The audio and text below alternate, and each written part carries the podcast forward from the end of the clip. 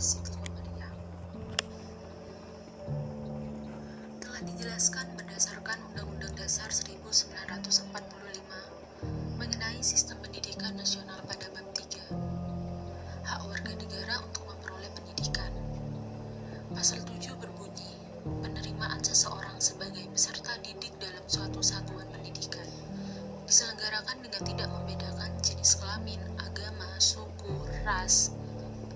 sosial, dan tingkat kemampuan ekonomi, serta dengan tetap mengindahkan kekhususan satuan pendidikan yang bersangkutan.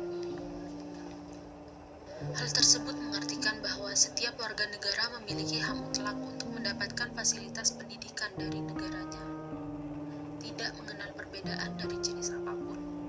Jadi, apabila terdapat klasifikasi sosial, itu menandakan bahwa lembaga tersebut tidak menjalankan sesuai dengan peraturan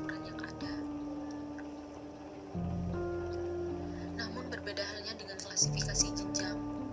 Klasifikasi jenjang pendidikan sudah seharusnya diterapkan agar kegiatan belajar mengajar menjadi lebih efisien. Pada pasal 8 juga dijelaskan, bagi penderita kelainan fisik ataupun mental, berhak memperoleh pendidikan luar biasa atau yang sering disebut dengan sekolah luar biasa serta bagi yang memiliki kemampuan dan kecerdasan luar biasa berhak memperoleh perhatian khusus.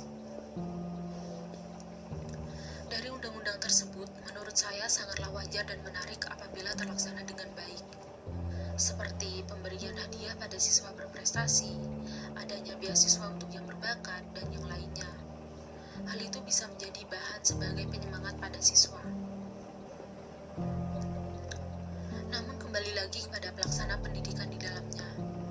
Karena masih banyak ditemukan di lingkup sekitar anak-anak maupun remaja yang tidak dapat bersekolah karena tidak mendapatkan hak pendidikannya. Seperti tidak adanya biaya pendidikan. Padahal setelah ditelusuri seharusnya lembaga pendidikan telah menyediakan atau memfasilitasi calon siswa tersebut dengan baik. Ternyata salah satu alasannya ialah adanya kesulitan pencairan dana dalam hal itu, sehingga para calon siswa tersebut menyerah dan tidak sedikit yang menganggap bahwa pendidikan tidak terlalu.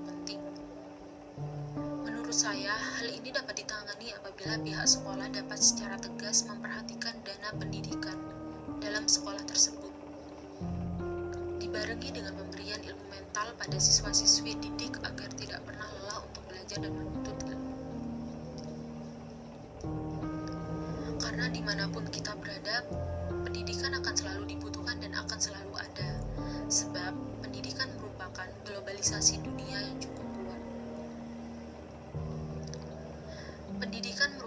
aspek penting dalam era globalisasi. Persoalan ini sangat berpengaruh dalam perkembangan dunia pendidikan, sebab peningkatan sumber daya manusia yang menjadi tugas dan tanggung jawab utama pendidikan sangat dipengaruhi oleh faktor globalisasi dan teknologi. Pengaruh globalisasi, kemajuan teknologi dan informasi, serta perubahan nilai-nilai sosial harus diperhitungkan dalam penyelenggaraan pendidikan. Mengingat tanggung jawab dunia pendidikan ialah untuk mencapai tujuan pokok melahirkan manusia yang berkualitas. Pendidikan mulai diperhitungkan lebih serius sebagai tonggak utama dalam pertumbuhan dan pembangunan dalam konsepsi knowledge ekonomi, terutama karena terjadinya pergeseran besar dari orientasi kerja otot ke kerja mental. Hal tersebut memaksa negara untuk terus melakukan globalisasi pendidikan, yang mana nantinya akan berpengaruh pada negara kita sendiri.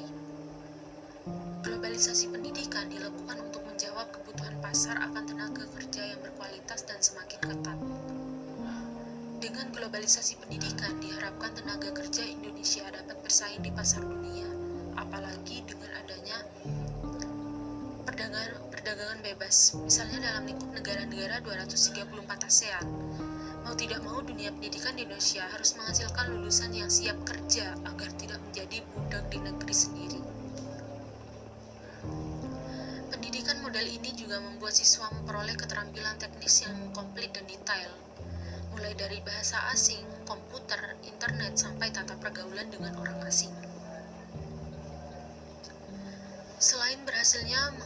lulusan yang berkualitas, sisi positif lainnya dari liberalisasi pendidikan yaitu adanya kompetisi. kompetisi antar sekolah yang berusaha mencetak kader-kader unggul di dalamnya dan terus memperbaiki kualitas sekolah agar menarik bagi calon peserta didik. Globalisasi seperti ini merupakan gelombang yang akan menerjang. Tidak ada kompromi, jika kita tidak siap maka kita akan diterjang. Namun begitu pula sebaliknya, jika kita tidak mampu, maka kita akan menjadi orang tak berguna dan kita hanya akan menjadi penonton saja. Jika sarana dan prasarana telah baik dan bagus, maka selebihnya kembali lagi pada kita yang menjalankan baik pihak siswa maupun ser maupun guru serta petugas di dalamnya. Persaingan untuk menciptakan negara yang kuat terutama di bidang ekonomi yang dapat masuk dalam jajaran raksasa ekonomi dunia tentu saja sangat membutuhkan kombinasi antara kemampuan otak yang mumpuni disertai keterampilan daya cipta yang tinggi. Salah satu kuncinya adalah globalisasi pendidikan yang dipadukan dengan kekayaan budaya bangsa Indonesia dan peningkatan kualitas pendidikan. Hendaknya selaras dengan kondisi masyarakat Indonesia saat ini, yang mana terlihat jelas bahwa masih banyak masyarakat Indonesia yang berada di garis kemiskinan.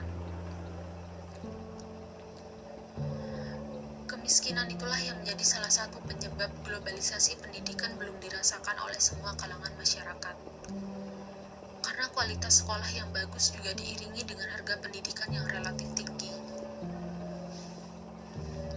Dari permasalahan-permasalahan di atas, Tindakan yang dilakukan pemerintah salah satunya ialah melakukan pembaharuan pada kurikulum sekolah demi menyesuaikan keberagaman siswa-siswi. Dan dapat kita simpulkan, apabila kita menginginkan kualitas yang unggul atau SDM yang berkualitas, itu semua bisa terjadi dari tindakan kita sendiri. Kita yang sekarang menjadi siswa maupun mahasiswa, suatu saat akan berperan sebagai guru maupun petugas struktural pendidikan.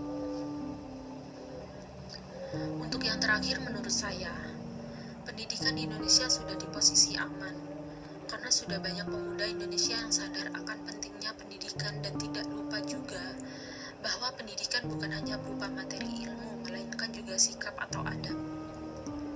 Semoga kita semua terus belajar dan bisa bermanfaat untuk sekitar. Yakin usaha sampai